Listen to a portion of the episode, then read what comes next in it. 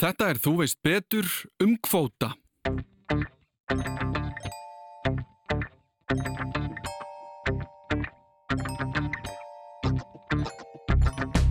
Við getum í dag með okkur núverindi tækni leikandi ofveitt. Þannig að það þarf að hemja veiðarnar og það, vera, það þarf að skipta þessu niður og segja það, það, þið takja ekki meira en þetta upp á pottun.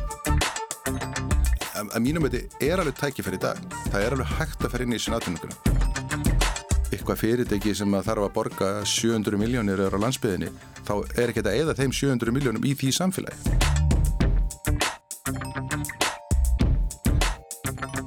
Ég held að flest okkar átti sig á mikilvægi fiskveiða fyrir Ísland. Ofta er talað um sjáarútveg sem eina grunnstóð landsins, ég vel þó grunnstóð sem sá hvað mest um að byggja það upp. Eina stríðið sem ég veit um að Ísland hafi staðið í er þorskastríðið sem er kannski gott efni fyrir annan þátt en það er kannski mæligarði á hversu mikilvæg þessi grein er fyrir okkur sem þjóð. En þó við heyrum oft orðið kvóti er það kannski ekki alveg skýrt um hvað verið að tala. Jú, þetta er fiskurinn sem viðkomandi aðilim á veiða en hvena var þetta sett upp, af hverju og hvernig hefur þetta breyst? Ég fekk til mín Hörð Sævaldsson, lektor við auðlindadeild Háskólans á Akureyri, til að fara yfir málið með okkur og útskýra þess betur um hvað er verið að tala. Eins og áður byrjum við á kynningu frá viðmannandanum sjálfum. Já, ég heiti Hörður Sævaldsson og kem frá Vestmanni. Dætt í sjóin 6 ára og er búin að vera í sjávarútviði síðan. Gerði svo eins og margir í Vestmanni, gerði sjómaður og fór í stýrimannarskólan og vann sem slíkur í, í 10-15 ár og fór svo að læri sjávarútsveið því að ég vildi fara dýpir inn í þetta og eitthvað starf að þeim tíðanpunkti þá held ég að leið mín ætti að fara í banka og læri banka og fjármálahagfræði og, og hérna áttaði mig svo snarlega að ég ætti alls ekki teima svona bara í beitni skrifstofinu þannig að ég fór enn dýbra og, og held ég að þótt þetta erfiðu, nefndi þannig að hérna, þeir samstagsfélagin upp og plattaði mig í kennslu og svona hægt og rólega flæktist ég inn í það að verða lektor upp í háskóla við Sjáurasveit til háskólan Svakurinn.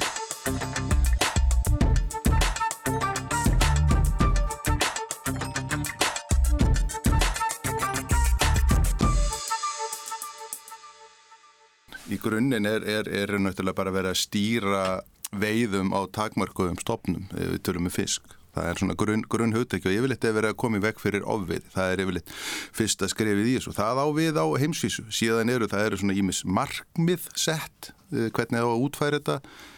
líffræðileg, samfélagslega, efnahæslega og síðan eru nokkara aðferðir í gangi. Þannig að svona kvóti er svona, hvað ég var að segja, samheiti. En það er kannski einfaldar máli fyrir okkur að tala bara um Ísland og hvernig við byrjum. Og hvernig byrjum við? Hvenar byrjum við að fá hugmyndur um að kvóti er eitthvað sem við þurfum að pæli og setja upp? Eh, sko stýring á veiðum eða, eða vendun og sjónum, maður, maður finnur þetta alveg í, í gömlum tímar 1930, 40, 50 þegar fara, fara að koma nýja veiðaðferðir þá fara, fara skipstjórnum en að tala um þetta það, við séum svona kannski farnar að vera heldur svona sækja heldur djart í þetta og þurfum að fara að passa okkur. En ég held að svona fyrsta stóra aðvörunu sem við fáum er, er þegar síldastofnur í norðaustur Allandsæfi hinn í 1967-68 eða um það leiti, þá er það svona, þú veist, það, það var ekki bara við, það var líka, þetta var samíðanlega stopp með normunum, rúsum, brettar og fleiri og þetta var risastofnið, þrýr stofnar í rauninu grunninn og þeir rinni og þetta er svona, og þá, eftir það voru, voru við að bannaðar á síld. Já, þannig er ekki svona eðlet, ekki svona beint kótikar, þetta eru auðvitað við erum að veiða, hérna í Ísland erum við að veiða þessum tíma upp sjóastofnar sem eru þá síld á loðun og eitthvað þess og þar og svo botfiðstofnar sem eru þá þoskur ís og öfsi og, og svo kannski aðeins að humar og, og rækju. En þannig að þannig uppsjáar með síldina þá, var, þá voru bara veiða bannaðar og það var ekki bara við, það voru aðra þjóðu líka að fara í stóra rannsóknir. Og það var veiði bann og síðan fara, byrja með takmarka veiða sem var útlutað á bátunum kvóta, bara til að stýra því. Það, bara, það var ákveð svona hildarmagn og svo mótti bara ákveð, hver og eitt bátu fá ákveð. Og ef þeir veituð ekki þá er raun og veru bara fjalla nýður eða þess áttar. Næsta skref er í raun og veru að, sem er svona oft talað um sem hluti af þessu er að, að, er að hér voru áður búin að vera erlenda þjóðir, ég menna það voru rússar, normenn, þjóðverjar og, og auðvitað byrja Íslendikar hérna að fara að taka yfir stærri hluta af efnagslöksinu það er að segja fyrsta skreðið er yfirleitt að losna við erlenda þjóðir úr veiðunum og, og ná tökum á veiðunum sjálfur hérna og setja kvóta þá e, þá heildar kvóta að fara að stýra þessu og hægt og rólega frá 52, 58 og svo 76 þá náum við fullum tökum og losnum við erlenda þjóðir hérna og erum við raun og verið ein með yfiráði yfir öðlindinni, sjávaröðlindinni kannski muna margir eftir í þá verður svona verður svona eins og í kringum síldariðina en það við áttum orðið eitthvað flottasta flota í norðaustur Allandsæfi hann í kringum eftir 1960 endur nýju flotan þessi floti endaði hérna 1967-8 vantaði verkefni. Þá fer hann að snúa sér á botfiskveiðum á sama tíma koma fram skuttórar og það er 1, 2, 3 í hvert einasta byggðalega á Íslandi og þetta, þetta ítir undir svona svolítið að ebla atvinna á landsbyðinum og sem endar svo í raun og veru með því að,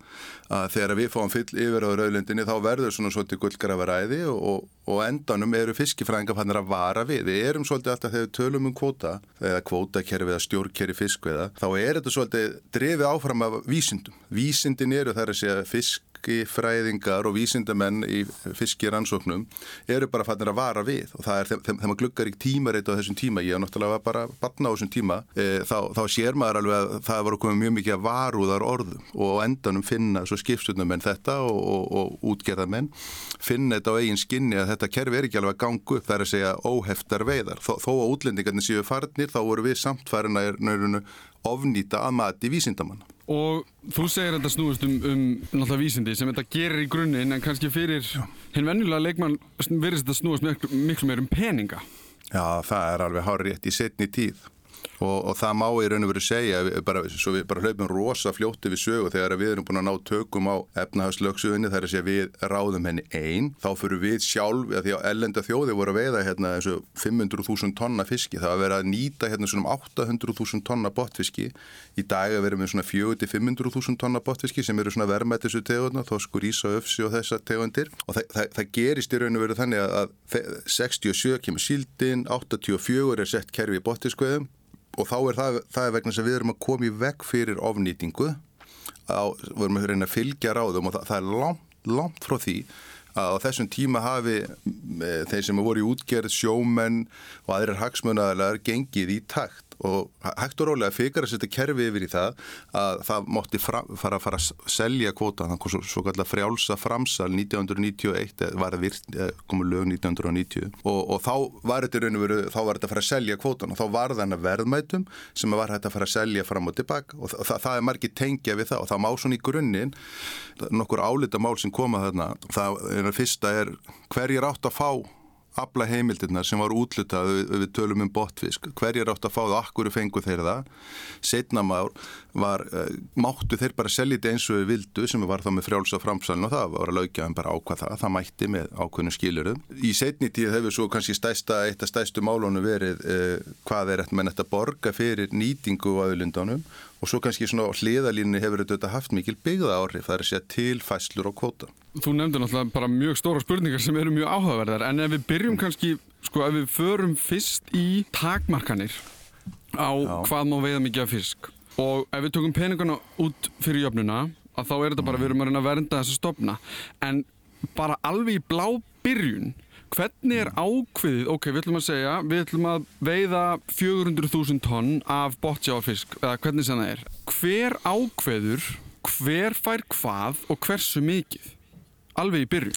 Já, ef við tökum bara, það verður að passa okkur að þetta, síldakóta var útluta 1976, loðnukótum 1980, botviskótum mest stæstun hluta 1984 og svo jamt og þett komu alltaf fleiri og fleiri tegundir því að náttúrulega þegar það loka fyrir eina þá fara það að sækja fram. Mm -hmm. En það sem er yfirleitt talað um er þetta botviskerfi sem var sett á, sett á um áramóti 1984 í, í janúar. Það var byggði á aflareynslu skipa sem að veiðum skipa frá uh, november 1980 til november 1983 og þá fengu þeir svo kallega prósendu. Bara þú veist, þú veitir svona mikið, það var reknað og svo var dreyið eitthvað frá og þú fegst síld og rækju og eitthvað svona, þá var það lækka niður og eitthvað svona afsláttur. En þannig var til þessi hlutild. Hún, hún, hún er alveg gjör breytt síðan þá. Til að mynda að voru smábótar fenguð 2% af kvótonum í dag og þeir með 18%. Þannig að það hefur verið mikil tilfæsla eða 17,5% það hefur verið mikið tilfæsla innan kervisins fyrir utan þess að sölur allar. En þetta er prósendin og það má ég lega segja, síðan er hildarkvótin sem er gefin út á Hafrásson og stopnum fyrir út og gerir stoppstærðamælingu og öllum fyrir hérna voral og haustral telur fiskan í sjónum, hvað eru stórir, segir að nú sé til svona mikið að þoski og næsta ára verið svona og svona og svona og þá færð þú þessa prósentu þessu að frádregnum 5,3% sem ríkið tekið til sín í svo kallaða byggðaðgeri til, til stuðningsbyggðun sem er í vanda til strandveið og fleira. Þannig, þannig að ríkið tekur fyrst 5,3% og svo er þessu skipt þessari prósentu niður og þú getur keft og selt prósentin, hlutdildina og svo getur lekt þetta frá þér innan ársins með, með ákveðnum skilur. Og sko sko, þetta voru svo marga spurningar sem komaðan allt í einu að ég er svona að reyna að ákvæða hvert við förum frá þessu. En sko, mér langaði fyrstlega kannski til að byrja á því að segja að því þú talar um að vísendamenn og rannsaka, já bara stærð fiska, hvað eru margir, allt þetta. Ef við tökum það kannski bara svona örlíti fyrir að því að þegar einhver segir, heyrðu, já við erum með cirka 400.000 tonna loðinu hérna í okkar lögsögu hvernig er hægt að ákvarða svona hluti? Getur þú farið eitthvað út í kannski bara, já, hversu nákvæmt þetta er? Hvað er, er hægt að taka alveg mark á þessu? Þetta er svo rosalega mikið af fiskum. Já, vissulega, en, en það er náttúrulega búið að þróa ákveðna aðferði bæði með fiskleitutækjanum og, og síðan eru þetta bara, sko, við, við þurfum að, kannski aðeins árið fyrir lengra, þá þurfum aðeins að velta svona fyrir okkur, svona bara stóru myndinni, þetta ég sæði við aðan, sko, við þá, þá má segja það að, að þessi vísendilega nálgun, hún er alltaf aðalatrið. En það eru yfirleitt, það eru yfirleitt þrjú markmið. Fyrsta markmið er yfirleitt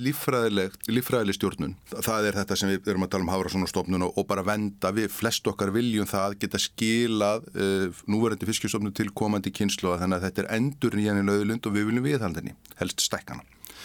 Síðan er annað markmið sem er þá getur verið efnahagslegt markmið og síðan er þriðja markmið sem ofti talaðum sem er samfélagslegt markmið. Að, þetta getur verið mismund áherslur. Mm -hmm. Vísindarlega yfirleitt eru að elda þetta lífærar. Það er yfirleitt vandamáli verður, það er ofveði og þá er að því að það er komin ný tækni, stærri skip. Við, við getjum í dag með okkar núverindi tækni leikandi ofveitt. Þannig að það þarf að hemja veiðarnar og það þarf að skipta þessu niður og segja það, það, það, Og kemur hafróin. Síðan getur verið efnahagslegt markmið sem er þá að segja að við viljum að þetta er að vera hagnaðadrifi, við viljum ekki niður greiða sjáur út við og svo getur verið samfélagsmarkmið, það getur verið notað til byggðaðgjara, við viljum að þetta efli byggð á landsbyðunum eða eitthvað þess áttar. Síðan eru nokkara leiði til að stjórna kvótonum, yfirleitt að tala um þrjári fræðunum og það er þá fyrsta lagi er, er það kvótastjórnun, það sem við útlutum kvóta í, í, í flestum tilvíkum er verið með heildarkvóta sem byggir á þessu vísandilegu rannsóknum. Síðan getur verið, verið, verið e, næsta markmið, þetta er, er kvótar og þeir geta verið, það er heildarkvóti, svo getur við skiptinir á báta. Síðan er þetta að hafa sóknamark en yfirleitt er heildarkvóti til að mynda að hafa færinga verið með svoleis og svo er sóknamark og svoleis er strandveðikerfið að það, það er, sók, veist, það er mátt var út og verið inn að veiða eins og við getur, mátt var 800 kíló á dag en það er samt heildarkvóti mátt ekki fara yfir 12.000 og síðan eru til svona tæknili stjórnun eh, sem að getur verið fjöldi rulla, mátt bara með fjóra rullur á bátnu bara svona marga daga og það er til dæmis líki strandveðun en Þetta er sagt grunnurinn að þessu kerfi og allt þetta er orðið svo, þetta er allt svo samtvinnað í dag að í raun og veru er stórmál að selja fisk á alheimsmarkaði til að mynda botfisk, þosk, ef hann er ekki úr sjálfbærum fiskveðum. Við erum að fara eins út á markaðin og velta fyrir okkur kúnanum. Ykkur, ykkur einstaklingur sem gengur inn í, inn í búð í Breitlandi eða Þískalandi hann er ekkert að fara að koma að hinga á námskið á Íslandu um sjálfbæra fiskveðar og hvernig hlutinni fara fram eins og við erum að ræða hérna. Hann einfallega lítur á okkar merki sem yfirleitt er MSC, Marine Stewardship Council og veit það að þarna er þá hugað af réttundum fólksins í vinnuröðna, það er tryggt að veða eins og sjálfbærar og eitthvað svoleiðs og allt þetta kerfi byggir á reykjanleika, það setja reykja sinni veist, frá útlöndum til Íslands í fyrirtækið og þaðan út á bátinn og í fiskistofnin og svo er fiskistofnin vottaður. Og þá kemur að þessu þú ert að spurjum að þetta er hvort þetta séu nákvæm vísindi ekki. Vi, við byggjum auðvitað bara á þeir, þeim, þeim aðfyrir sem hafa þróastýri gegnum árin og auðvitað segir þessi sjálf við erum í vandræðum að telja tré og flúvel þá lítur að vera ennþá rauð að við sjáum ekki eins og tré. En það er búið að finna okkur aðfyrir vísind að dýftæmali geta fundið þetta þeir toga á ákveðnum slóðum koma á, á, á sömu fiskimiðin og veiða áreittir ára hafa gert svo kallar tókstöðvar sem með alltaf. En það dögar ekki fyrir Hafrásonarstofnun sem er okkar íslenska aðili sem sér um stærstofnuna að segja bara svona sér staðan. Þeir þurfa að senda þetta til alþjóða Hafrásonarrásis í Danmörku sem að gefa stimpil á það að þess að aðferði sem þeir eru með séu í lægi og þá stimplaður það. Ef við víkjum frá þessu og segjum að Hafrásonarstofnun segir 200.000 tónum sem er veiða og Alþjóða Hafrásonarstofnun segir já við samþykjum það og stimpla það. Svo ákveður ráðherrin á Íslandi að útlita 300.000 tónum, þá fyrir við bara rauðan listi í vestlunum og fiskurinn selst ekki. Þannig þetta er allt orðið svona, eins og ég sé, þetta er allt svo samtvinna, þetta er allt tengt saman og það er raun og erfitt að selja fisk á þess að sé vottaður því að neytendur eru orðinni mjög meðvitaðir en þeir nennar samt ekkert að verða heimsmysterar í þessu, þeir vilja bara fá, þú veist, er ekki eitthvað stimpill, er ekki eitthvað svansmerki eða svansvottun eða eitthvað þetta sé allt í toppstandi. Og af því þetta er smá nútíminn, þá vil ég aðeins fara aftur í söguna því við vorum eiginlega bara komni til 90 cirka. Já. Sko, kerfið sem fer á í gang þar, eða þá, mm -hmm. hvað er það sem breytist á, já, meina, þessum hvað, 30 árum sem líða svo? Já,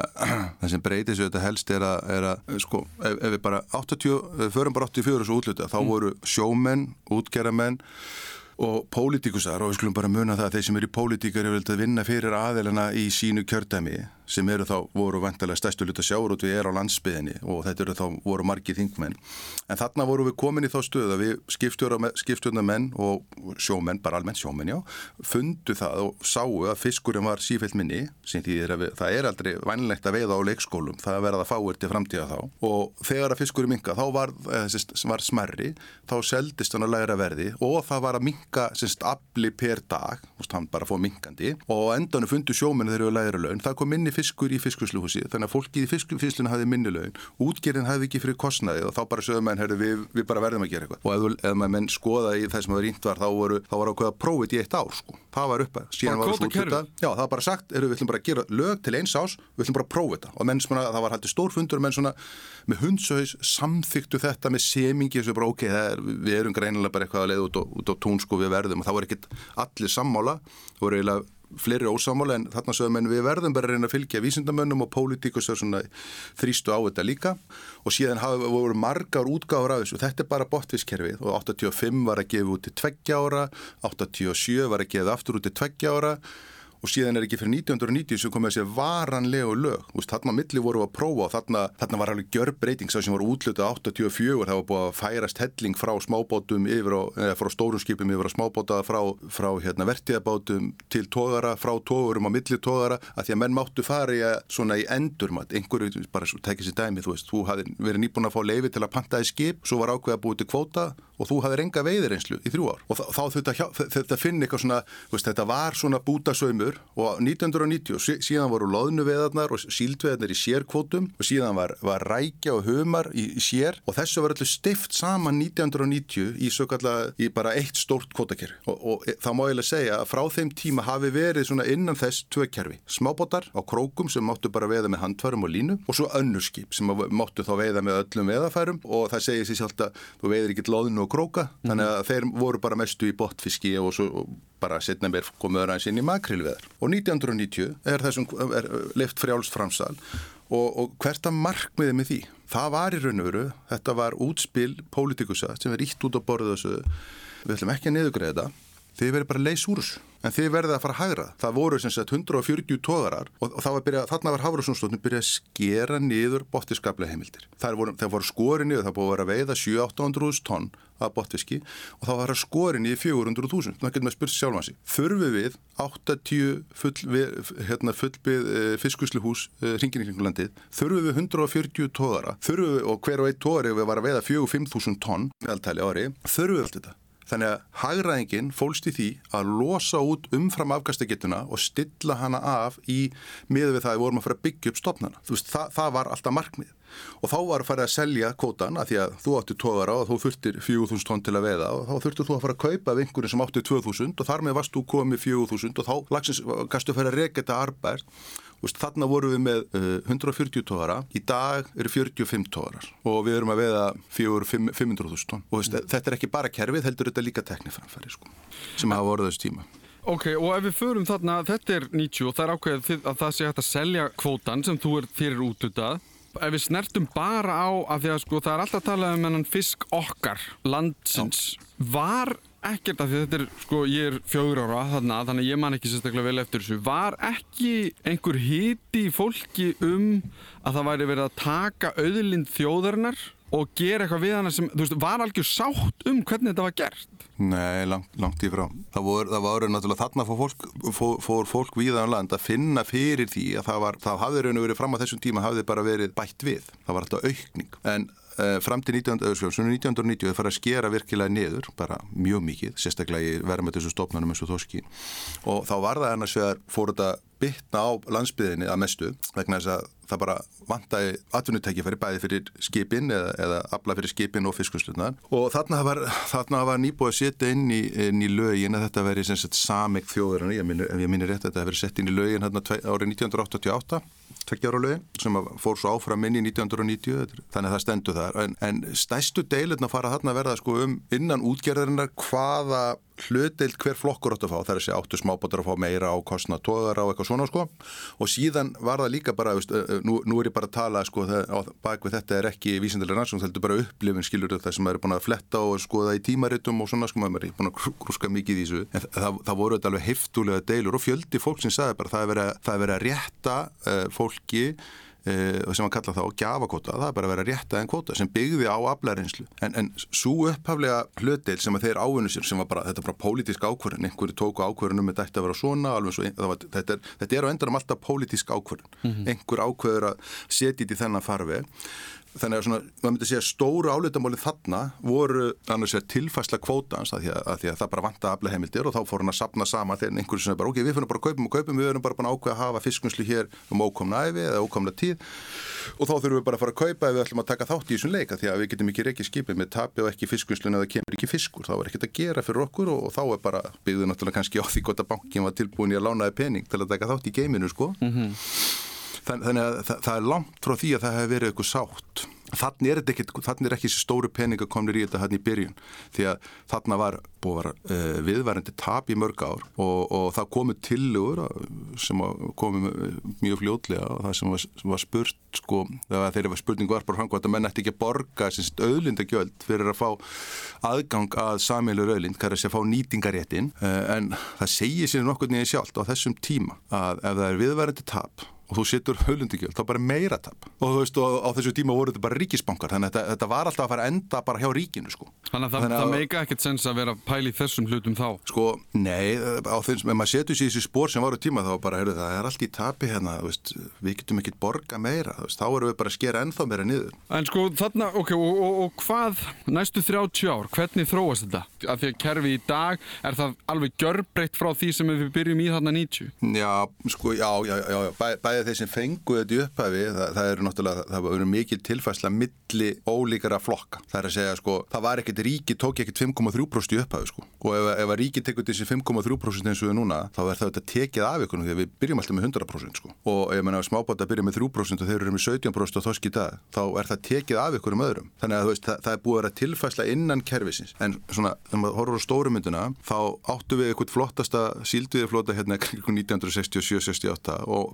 horfur á stórumynduna þá áttu við eitthvað flottasta síldviðiflota 1967-68 og byggt á mínum rannsóknum, þá segi ég það að það tók okkur 40 ár að reynsa út umfram afkastiketuna því að ef þú átt fiskimilsjóðsmiðu og þú átt uppsjóðaveðiskip, kemur alltaf hérna kom ekki heimabankan, þá kom, kom alltaf meði til þín skilu og þú ætti að borga og þú varst alltaf að leita leiða til að finna ný verkefni og þá fórst að sækja aðra að stopna. Sama var með botfiskina en tóðarana og botfiskfyrirtekin. Þeir fara að leita og það tók 30 ár að losna við umfram afgastakituna og þegar umfram afgastakituna við tökum bara eftir 30 árin setna þegar þú ert búin að fækka fiskifilfjörsmiðum úr 26 í, í 10 og þú ert búin að fækka uppsjögskipum úr 52 niður í 18 og, og hvert og eitt skipist að fyrir að bera 500 tónn þá bera 3000 tonn í uppsjáarinnanum þannig að það eru tekniframfæri líka þar og það hefur fækka mikið á skipunum. Og sama í, þú veit með 140 tóra og komin í 45 og þú veist með 60-70 öllu fiskið verið vísjöður á landi, nýju uppfærð. Og í dag ættu kannski að keira á einhverjum 15 stórum húsum kannski, eða 15-20 þetta hefur haft þetta mikið lárif en þegar þú komið stærðarhækvæmni e, þá fyrir þetta myndast mikið hlagnar og þá sér maður það alveg að þá fer að aukast mjög svona þrýstinguna það að greinin fari að borga sem, sem enda sem er því að það eru sett lög um veiðigjöld sem að þeir þurfa að borga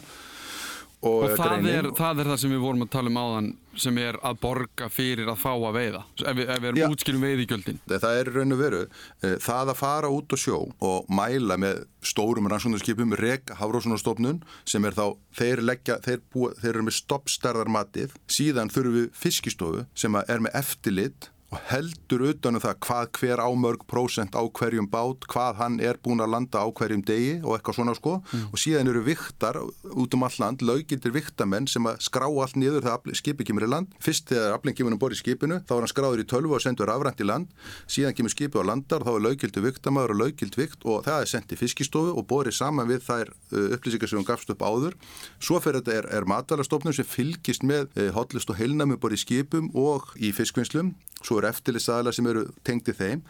fyrir þetta kerfi pluss rekstu sjáfórútisraðunetisins og þeir sem að, þess, það er stjórnsíslunar í kringum þetta, þess, það er talað um að veiðugjöldin, það er bara skrifa henni í lögin að þau er að standa undir kostnaði við kerfið pluss að þau er að leggja til, í, sagt, til samfélagsins fyr, fyr, fyrir nýtingaréttin. Þetta er bara í lögunum.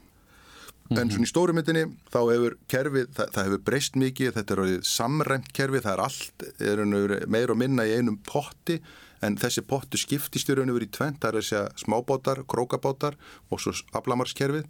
og, og síðan er þetta ríkið með síðan 5,3% sem er svona stuðningur við ef að rækja hrínur eða þá við strandveðar eða línu sem er ætlað að vera svona eitthvað svona byggða kvetjandi. Kvótakerfi var sett á sem tilraun, fyrst til eins árs og aftur til eins árs og aftur þá vil það var sett í lög. Upphaflega reknaðist kvótin fyrir hvern og einn eftir prósentum af veiðum og árið 1990 var stærsta breytingin þegar það var hægt að kaupa og selja kvóta sem opnaði enn meiri möguleika. Greinin var alls ekki arðbær til að byrja með sem að útskýri kannski afhverju hlutir eins og auðlinda eða veiðigjaldar ekki rætt í byrjun þar sem að það hefði þýtt að ríkið væri að taka þátt í grein sem tapaði hugsanlega bara peningum sem verið svo líka vera óvissan við greinina þar sem náttúran spila stóra rullu og henn er ekki hægt að stjórna sem á hafrannsóknarstofnun og hvað kemur út úr mælingum, hvað má veiða mikið og hvað þarf að láta í friði.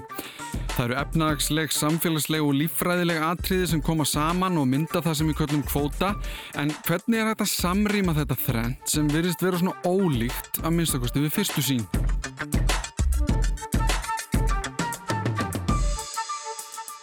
Ég held reynilega að þetta sé ósamræmalegt. Við, við, við, við getum tekið raun og veru líffræðilega hlutan, líffræðilega markmiðin til hliðar því að þau eru sammerk víðum heim. Þegar að fiskverður komnar í óefni þá setum við á og fylgjum vísindaráðgjöf og raun og veru er erfitt að selja markmiðum á þessu verður með það þannig að við getum tekið það markmið út til hliðar. Og inn í, inn í lögunum, íslensku bara um lögum 116 sem eru um, um, um stjórnum fiskveið í Ísland. Þar er bara sagt að við viljum að vera með sjálfbæra veiðar til að skilja þetta komið til kynsluða. Þetta á að vera efnahagslega á þetta standundi sér, þannig að þetta á ekki að vera niður greitt og þetta á að efla atun, veita atun og trösta byggð í landinu og ég,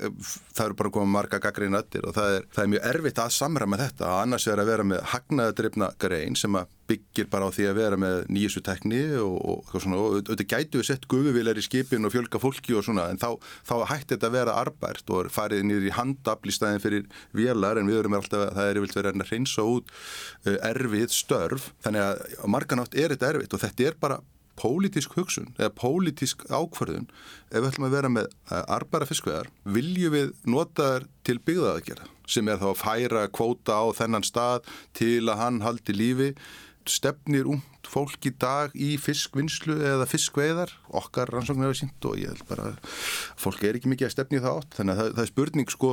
er þetta endilega rétt að leiðin að halda áfram í þessu? Ég, ég, veist, ég, ég er ekkert að segja það en þetta er bara svona, það vantar eitthvað svona byggða pælingu inn í þetta, það sem bara pólitikussi segja, e, svona á þetta að vera. Og þá er það bara svolítið, nákvæmlega eins og strandveðar, e, það eru sett 12.000 tonn hafa verið að setja inn í strandviðikerfið. Eh, eitt fristutóri geti veitt þetta ári. Þetta endur speiklar alveg það. Þarna tekur bara pólitikus að taka það afstu að segja. Það, hafa, það segir sér alltaf að hafa miklu fleiri atvinna af því að vera að veiða hér á okkur 600-700 strandveðibátum heldur en að vera með 40, 24-26 og fristitóra sem geti veitt þetta og þú ert með tvær áhafnir þannig að þú ert með kannski 50 manns á bakvið þennan 12.000 tónu afla pluss einhver störfi í landi segjum bara 60-70 en þú ert kannski þannig 700 manns sem er að vinna við þetta við sjáum það flest öll að það er mikið praktískara en veist, ég er ekki því sem að, að hérna, hamingja og, og hérna, kvóti kannski fari ekki alltaf saman eða veist, peningar og, og, og hamingja sko. Það kannski leiðir að, að því að við vorum að fara yfir söguna og einhverjum tímapunkti þá, þá fer þetta úr því að vera erfiður bransi og snýst upp í það að vera bara mjög arðbært bransi. Er rétt að segja að með tímanum að þá hefur peningarnir aukist og hendurnar sem að sáu um kvótan þeim fækkaði á móti. Já, menn það er alveg klárt að það eru, það eru miklu færri aðeila sem er á bakvið þetta í dag. Það er að segja nema þetta, veist, þetta kannski er, þetta hefur breyst. Veist, það voru uh, nokkuð mörg fyrirtæki á hlutabræðamarkaði það sem einstaklinga gátti keift sín og átt e, í þessu og nú stefnir það síldanvislega stefnir á að fara aftur á markað og sem er svona kannski viðbra við þessu og ef, ef einhverju vilja eiga í þessari aðdönungurinn og taka þátt í henni, e, til og með með það, eru orðið mikil samþjöpun, hún, hún bara fylgir því, bara tilfæsla kvóti og samþjöpun sem, sem að það vakna kannski eitt sem ég glemda mér stóða sem eru kannski þessi spurningum hversu mikið má hver og einn eiga og það, það bara bara setja þak á Íslandi, það á að vera 12% sem ein, 12% í þorskíkildum sem að hver aðilum á að hámarki eiga í, í að, hafa nýtingarétt á afleihimildan, það er 12% sem eru þar. Hver útgerð má eiga eða vera með? Já, hver lögaðili það sem hann má, má hafa sérst, hann og tengdir aðalur og nú er verið að skoða þessi löga því að komið upp ykkur svona, einhver hafa viljað meina það að þetta sé, lögin sé ekki alveg náðu skýr en ég menna það veist, fyrirtekin er ekki að fara á, á sveg við lögin því að þá myndu þetta lögjafin bara stíg inn í það framkvæmdu aldrei stíginu þessi því þið er ekki að fara eftir lögun þá hljóta lögin að vera eitthvað nátt óskýr og pólitíkusar hafa sagt að það þurfi bara breyta það er að skerpa á þessu núna sko. Og sko, ef ég allt í hennu myndi fá þá flugihausin, ég myndi vinni í lotto, segjum það, og ég myndi segja, mm -hmm. herðu, mig hefur alltaf langar til að fara á fiskveðar, bara vera með útgera fyrirtæki. Sko að því að mjög mikið af þessum fyrirtæki sem eru í þessum bransa í dag eru gömul fyrirtæki, þau byggja á gömlum grunni. Er einhver leið inn í fiskeðnaðin, bara sjávar útveg, án þess að sko fara á, á línubáti eða strandveðar og vera bara með lítinn litla trillu sjálfur? Erum við að fara að sjá nýtt útgeðafyrirtæki til dæmis? Er það bara hægt? Það er í það mest að ég er ekkit vissum að þú myndir fara, banki myndir neitt taka upp hefti sko strax, þú myndir bara droppin á guttinu og spyrja hvað þú verður ef við tökum, þetta er mjög fjárfregur yðnar. Eh, skip sem að, veist, ef, ef þú ætlar að fara, ef þú vilt, að því það er búið að samþjapa þessu öllu saman og, og, og, tæknin sem er komin og ég kannski nýtt uppsjóða við skip sem getur veitt svona 50-60 þúsund tonna ári, eh, það kostar svona 5.000 miljónir, abla heimildi sem þú þittir að kaupa á þetta skip var í sjálfsagt ykkur 15-20 þúsund miljónir. Bara, veist, það bara að kaupa kvótan Já, kaupa kvótan skilur til, til að geta komist í þetta sko og, og síðan þetta eru náttúrulega fiskiðu verið, þú vildir ná sem mest út er allir virðiskeðinni og aldrei 7-8 þúsund miljónur sem það myndi kosta. Men, veist, það, það er allt bara í þessu sko, veist, við erum komið strax bara upp í 25-30 miljardar sko. Sem startkostnaður. Bara svona í startinu sko til að koma, veist, svo þetta er reykjata og svo klikka loðnan og svo kemur ekki loðna árið eftir og svo búin að kaupa kvotan og bankin og sko eftir því að þú borgir bara á honum, saminska samlega, eins og húsunúðinu sko. Mm -hmm. Þannig að ég, ég held það, en reyndar er veist, í gamla daga verða þetta ekki þannig að þú dreifsti bara í bankast að það er tóðara og, bankin hefur bara sett þetta til að fara út aftur sko. Þannig að yfirleitt byrjuðum við bara á litlum bátum. Að, að mínum veit er alveg tækifæri í dag. Það er alveg hægt að fara inn í sín aðtunningunum. Inn í því og það hafi verið viðbúru pólitíkus að er að halda úti strandviði kerfinu sem er þá, ég vil sem einu svona, svona sem er nýluðunar möguleiki. Að hvað leiti þá? Að bara Já, þú, þú, kemst, þú kemst á trillu og út og sjó en er eitthvað, er eitthvað annað skrif eða ertu först eða fastur þar? Já, já, já, já þú veist, þú, þú getur til að mynda farið og, og hérna kifti bát og þú getur fengið bát, sjálfsagt bát sem er þokkalegur í þetta svona fyrir kannski ykkur pluss 5 miljónir. Það ætti hún að vera alveg brúanlegt hjá flestum að geta fengið lán fyrir því og þú átt að geta þá farið út og, og þú þetta mótt veiða þá ykkur að 40 dag ári og getur, na, við hefum kannski verið að veiða fyrir ykkur 6-7-8 miljónir og þannig að þetta duða fyrir afborgunum ykkur launum og svona hægt og rólega að eignastu náttúrulega bátinn og þá kannski vilt þú með strandvöðunum að því strandvöðunir eru bara frá mæ og út ágúst, þá viltu þú vilja fara að róa meira og heilsásatuna af þessu í snæðin fyrir að vera bara hluta, þá getur þetta leikt til einn kvóta og fara að rekka fyrir því ekki svo eftir ákveðin tíma getur þú fara að kaupa þér kvóta sjálfur. Þannig að það er svona... hægt að, þú veist, það er einhver nýliðin í þessum bransa. Já, já, hún er, er bara mjög, já, já, hún er auðvitað bara mjög takmörku, hún, hún er ekkert líkt því sem var í gamla þetta. Það, það, var, það, var, það var auðveldar að leggja stað inn í hennar business þá, en það er ekkert íst að þú hefur komið út á sléttu eftir reksturinn, því það var gert upp eftir árið, en það var sjáar út upp bæði veiður og vinsla með að reykja með tapi. Og það er svo sem ekkert sérstaklega góðu business. Og þess vegna endur við í þessu endanum að, menn sammæltist um að fara í þetta. En, en það er ekkert allir sammála því að eins og þú viðraði rétt á hana að það er vísendilega aðferði sem er beitt að það er sjöður rétt það, það búið að vera mikla deilur með það engum tíðina hvort að fiskifæringa geti talið fiskana úr og þarna ofan og hvort að það sé, hvort þetta hafi verið 800-300 tonn eða 900 tonn og hvort þess að það hafi verið svona og svona og svona og, veist, og fiskifræði sjómansins er allt öðruvísi sko, byggir og allt öðrum, veist, þeir eru alltaf með puttan og púlsunum frá mínúti til mínútu sko. En eru þeir ekki líka með punkt, bara sko, svo ég á þess að vera eitthvað dónalegur, ég meina þeir eru, þau, þau eru líka með puttan á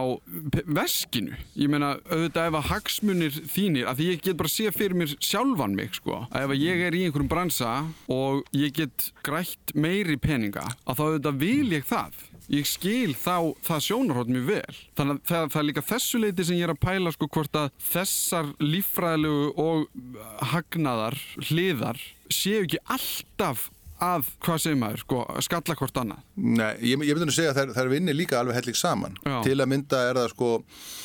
til að mynda veist, það sem kannski sem er líkil hugtak og það er bara byggt á rannsóknum til 20 ára er að veist, það er rosalega erfitt að innleiða fiskveiðstjórnun í grunninn nema með samvinnu. Það er þá samvinna vísinda, pólitíka pólitíkur, hagsmunnaðala sem eru þá útgerðamenn og sjómenn og fiskvíslufólk að þetta fólk sé allt til í þetta. Til, til að mynda ef við tökum bara út fyrir sveg og segjum að sjómenn séu ekki sáttir við þetta mm -hmm. og þeir bara fara í stóru stíl að henda litlum fiski og herða stóran fisk, þá, þá virkar kerfið ekki. En er ekki Þa... hvað, sko, er kerfið ekki þannig sett upp að mm. það, sko, ekki auðvitað kannski ekki hvetur til þess en ef það er sagt við þig já það er allt talið sem kemur í land og þú ert kannski að veiða 30% lítinn fisk og 70% stóran fisk.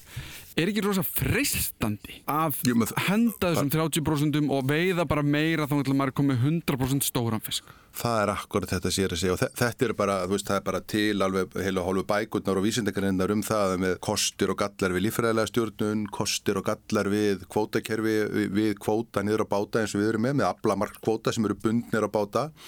Og þá er það, það er, markmið er alltaf að hámarka hagnað eða hámarka tekjur og þá er þetta hættan á því að þú bara hendir fiski svindlir og tegundum og alls konar svona. Og þá, þá þartu öflugt eftirlit til að glíma við það. En kosturinn við þetta tvent, þetta, þú vilt meina kannski, við vorum að ræða á hann eins og hvort þetta vinnir saman, það vinnur saman því að viljin, ef að þú heldur á aflaheimildunum eftir með nýtingaréttin og segir bara, heyrðu, við förum bara eftir þessu núna að því við erum að byggja upp stopnin og það þýðir að við tökum minna, já, það er miklu meiri, það frisni vandin að gera þetta, já, en ef við, ef við hendum þessu sjóin, þá byggjum við ekkert upp stopnin nákvæmlega eins og það, það lítur að vera rosalega erfitt að kingja því að vera búin að kaupa aflaheimildar í loðnu fyrir, fyrir, fyrir miljard og fá ekki að veiðana eitt ár og ekki næsta ár. Og það, það byggir á því að veist, þá, þá, þá, svona, svona, segja ég svona kjark og segja bara ok, þú þarf að fara að semja við bankan rekningunum fyrir þessu dóti kemur alltaf og þá þarf þú að semja við þá og þú þarf líka á hinumendunum að náti kunnana því að þú getur, getur hæglega að tapa markaði, ég meina ef þú ferur út í búð í tvö ári senn og ætlar að kaupa þér, þú veist, sótavatni eða eitthvað góstrík og hann væri bara ekki til þá snýrðu þau bara að eitthvað öðru. Mm -hmm. það gerist auðvitað hvað sem það er loðnaða þoskur og svo endanum er þetta, veist, það er líka ákveðið virði í því að geta flagga því að við höfum náða að byggja upp stofnana. Við, við náðum ekki að koma þeim í núlstöðu heldur fórum að byggja það upp. Og erum við að ná því? Já, í setni tíu myndi ég segja að það hafi farið að lukkast. Við erum sjá að þóstofnin hefur verið aukast en hvort sko, já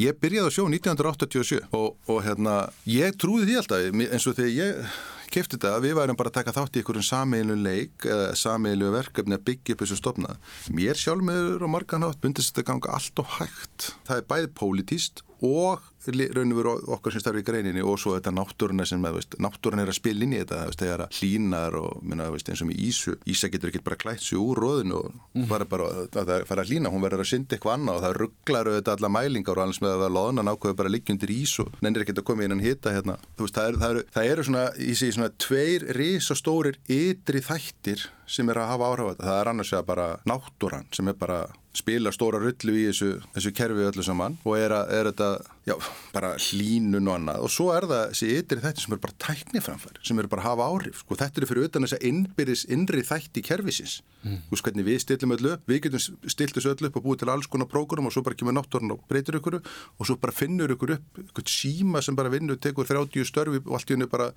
sjálfsikleti skipi eða eitthvað svona sko, veist, þannig að þetta er að hafa rosa áhrif á það sem við erum að reyna að þróa og gera sko. þetta, þetta er, það er erfitt að búa að setja sjáuröndi beintin í Excel Já, ég er kannski ekki að fara út í banka og byggjum lán fyrir eins og einni þokkalegri trillu. Hugsanlega af því að ef það væri eitthvað gengið á mig kemi í ljós að ég hefði enga reynslu til að byggja á nýja vit á því hvað ég ætti að gera. En ef við látum það ekki á okkur fá þá er að minnstakosti ein leið til að komast inn í bransan. Eftir því sem við lærum meir um kvóta og hvernig hann er settur upp er auðvelt að sjá að hlutinir eru ekki jafn einfaldir um að taldi í byrjun. Sjávarútögurinn er samansettur af gríðalamörgum mismunandi störfum frá veiðum, framleiðslu, flutningum, sölu og svo mætti lengi telja. Þá vera störf hafa horfið en líka mikið af öðrum störfum orðið til í leiðinni. En hvað með framtíðina? Hvernig lítur hún út? Ef við horfum bara á það fyrirkvörna sem eru orðið núna sem er það að pólitíkusar sem eru þá kostnir á fólki á fjóru ára fresti ætti að vera, það búið að vera heldur öðra svona síðustu ár. Þeir hafa einhvern veginn skinnja það að þeir, það, það er þetta búið að gera helling, það er þetta búið að þessi 5,3% sem, sem að ríki hefur, eins og ég sagðan, þau, þau voru tekin af ykkur, þannig að veist, það, það er králega búið að taka þá til hliðar, hverju sammálum það. Á þess að ég sé, ég er ekki varnar aðeins í þessu sko, en þegar ég horfður til framtíðar, þá myndi ég segja, skiptir það öllu máli, hvaða kennitala er að veiða eða vinna eða selja aflæðheimildin eða kvota eða fiskin. Ég segi bara, nei, en það, það lítur að vera stóraður í þessu ef það stendur í lögunum um stjórn fiskveða fyrstu grein að þessi sameng þjóðarinnar og þá erum við að útluta nýtingarétti og ef við færum nú bara í að innkalla þetta og, og ég menna, ég hef ekkert á móti því að þetta semt endi mér bara 12 þorski sko, mm. Vist, ég fær bara alveg heimilegvendi með það mm. En, en erum við eitthvað betur sett með það, veist, um hvað snýst þetta? Hvernig tökum við, veist, síðust ár höfum við, höfum við hafa pólitíkusar ákveðið það að veiðigjöld séu eitthvað sem þeir ætli sér að nota til að taka út úr atvinningurinnni, það er að segja hagnað. Skiptir þá einhverju máli hver er á hinnum endan, hver borgar. Og annars vegar er það líka að það er búið að vera mjög mikið ákall um, um nýliðun og það hafa komið ímsa tilögu fram ég á ekkit eitt svar við þessu en þegar maður horfið fram á við þá, þá ég rosalega erfitt með að sjá það að það breytist eitthvað mikið þó að það kemur aðri þáttangandur eða leikundur á sviði sko. ég er ekki að verja þetta kerfi ég, bara, ég, bara, veist, ég átta mikið alveg á því hvað ætti að breyta sko. mm -hmm. veist, við getum farið í það að segja bara herðu, við, við viljum ekki þessi stóru fyrirtæki Þa, það er nánast fylgir stórum fyrirtækjum sem eru orðin arbær þar að segja þau eru komið svo mikla starðarhaggamni að þau eru farin að ná umframhagnaði með aðra sem eru ekki með starðarhaggamni. Við getum auðvitað brotið þetta niður og settu í, látið þau vera óarbærari en eru við sem samfélag eitthvað betur sett. Og svo held ég að sé annað stort aðri í þessu líka sem er að 70-80% þjóðinni býr á milli kvítána. Það er bara solis. 80% sjáurðu er á landsbyðinni og það segir sérlega sjálf þegar það eru tekin 8, 9, 10, 11.000 miljónir út úr greininni og fluttar til til sameiginleira sjóða sem er þá veðugjöldin sem til, til að borga fyrir, fyrir rannsóknir og annað og, og svo eitthvað nýtingar ég og þá, þá, þá, þá eh, eru 80% af þeim sem að, spyrja þá eigum við þá ekki að fá þetta? Við erum 80% við erum hér á höfuborgarsvæðinu hérna, eitt klukkuti með í burtu og eigum við þá ekki að fá þetta? Mm -hmm. og ég menna það er mestu massin meðan að ég hugsa að þeir sem eru á hinumöndanum eða eitthvað fyrirtæki sem að þarf að borga 700 miljónir á landsbyðinni þá er ekki þetta eða þeim 700 miljónum í því samfélagi eða veist, þetta er bara eitthvað svona þetta, þetta er bara búið að vera hellingi umræðinu veist. eitt er að taka auðlindagjöld annað er hvernig á útdelið í hvað á að setja, það hafi ekki verið eitthvað umræður um auðlindi, ég hef ekki fylgst mjög mikið með eitthvað auðlindasjóð og eitthvað, eitthvað svona hugsanir var það ekki eitthvað hluta þessu, þannig að horti framtíðar þá, þetta, þetta kerfi er ekki óumbreytilegt og við sjáum bara á því sem við erum búin að fara yfir núna með, með 30-40 ára, veist, þá myndi ég sé að þetta kerfi er gjörbreytt frá því sem var lagt upp með, veist, það var ekki eins og það settist ekki niður með eitthvað tekning og teknaði okkur 30 ára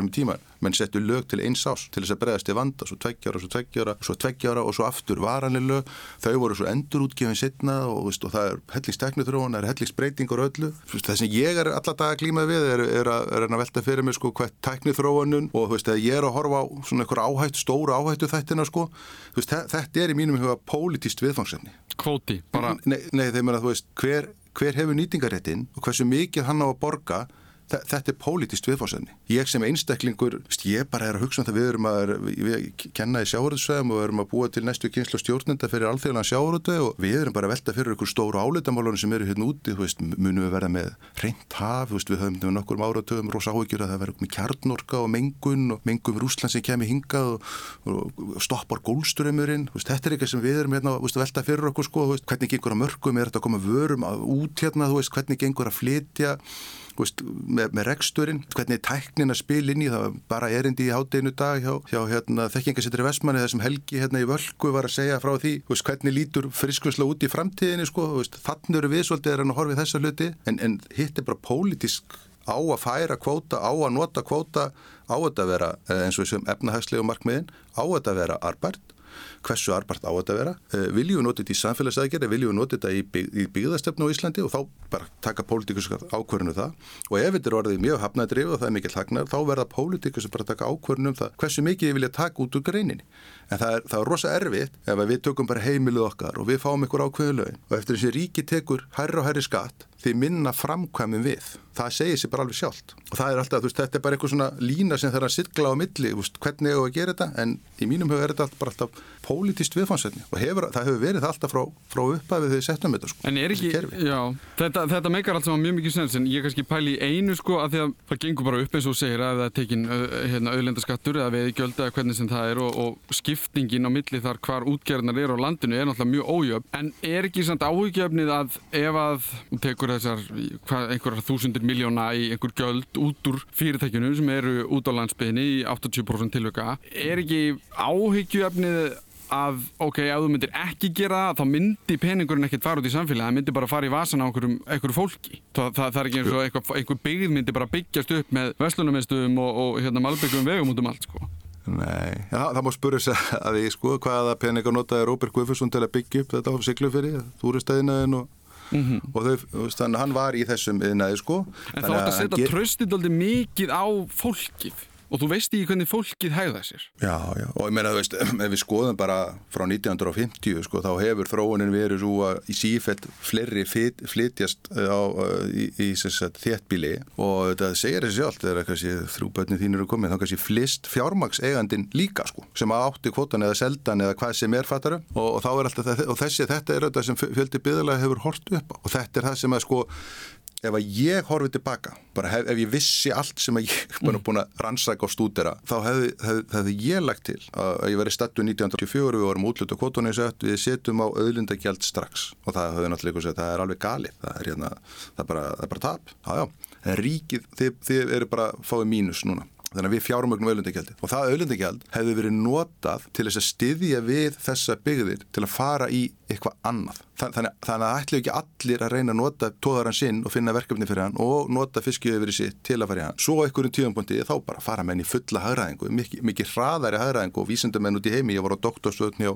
Stefónu Gunnlaugsinu um daginn og það sem að útlendingarnir sögðu rosalega tók þetta langan tíma að hagraða og það er kannski ekki skrítið því að það var fólk á bakvið þetta sem var út á landi og pólitikar sem eru kostnir af fólki og þetta fólk átti fastegnir og var bara leggja allt í þessa fastegn og allt í hennu var ekki fyrirtækja staðnum og þá er farið í einhverja aðgerðir að tefja þetta. Það eru þetta alltaf, eins og ég sagði, það er kannski ekki alltaf sama sem er ekki millir pening á hamingju en ef við vilt fullan hagnað, þá hefði verið langt praktiskast að bara segja, heyrðu, við ætlum bara að skera strax niður, bara henda út einu þriðja, nei, tvein þriðja af þeim sem starfa í sér í grein og tóðurunum og fiskjöfurunum og henni fara bara í einhverja nýsköpun og annað og ríkið bara borgar inn í þetta. Þá hefði fækkað rosalega álitamálum en þá ósangjarnar við þetta kerfi held ég og það býr ennþá í mörgum og ég skilða rosalega vel, ég væri mjög ósötur þegar ég lendi í þessu, verið kannski nýbúin að reysa sér hús og eitthvað sem bara flattir eða þingari mm. og svo sittur við bara með verðlaus og þetta er einhvern okkur eina eign það, þú veist, og ma maður svona sér alveg sko bara, uff,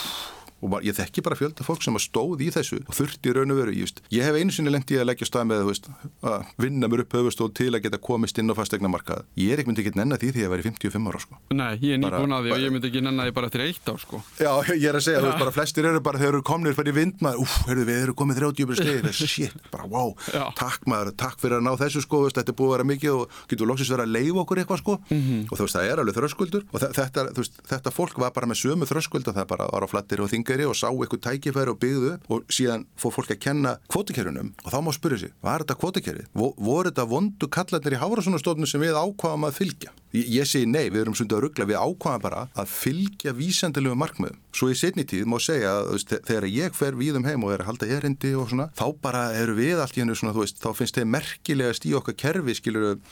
að við höfum stiðið þetta skrif og náða að fylgja þessu sko. En þeir spurja líka sömu spurning og þú ætti að spurja, hvernig ætli þetta akkur sem segja, hvað ætli að gera ef þessi flytur úr bænum? Já, það er einmitt að sko bænum sé haldi í gíslingu nánast sko, eins og við höfum séð að hort upp á og ekki, ekki auðvitað í, au, ekki í sko vísvitandi gíslingu heldur bara að bærin, að bæjarfjölu nánast ringsnúast um einhvern eitt stóran hlut og ef að sá stóri hlutur fer að þá bara einhvern veginn dettur allt niður sko. Já, og, og meina, veist, við erum búin að sjá þetta alveg, þetta gerist alveg líka þá að vera ekki kvotakeri sko, menna, það voru ykkur með vonur og vendingar og byggðu sér upp bara við um heim, eða við á Íslandi sko og svo bara, svo bara kvarf allt sko, bara veist sem að gerist við síldarhrunnið og allt þetta, veist það var djúbavík að byggja breysa veksmið og það eru rosalega fáir íbúður í árnisreppi í dag sko, það var ykkur fullkonast að fiskimilsveksmið árið 1930 sko. Og sama á hjaldiri og, og, veist þá bara, þá bara en kannski munurn í dag er að, er að varanleikin í þessu er svo að menn eru með, eða einstaklingar eru með nýtingarétt sem er, getur flust á milli kynslu. Það er eitthvað sem margir hafa, hafa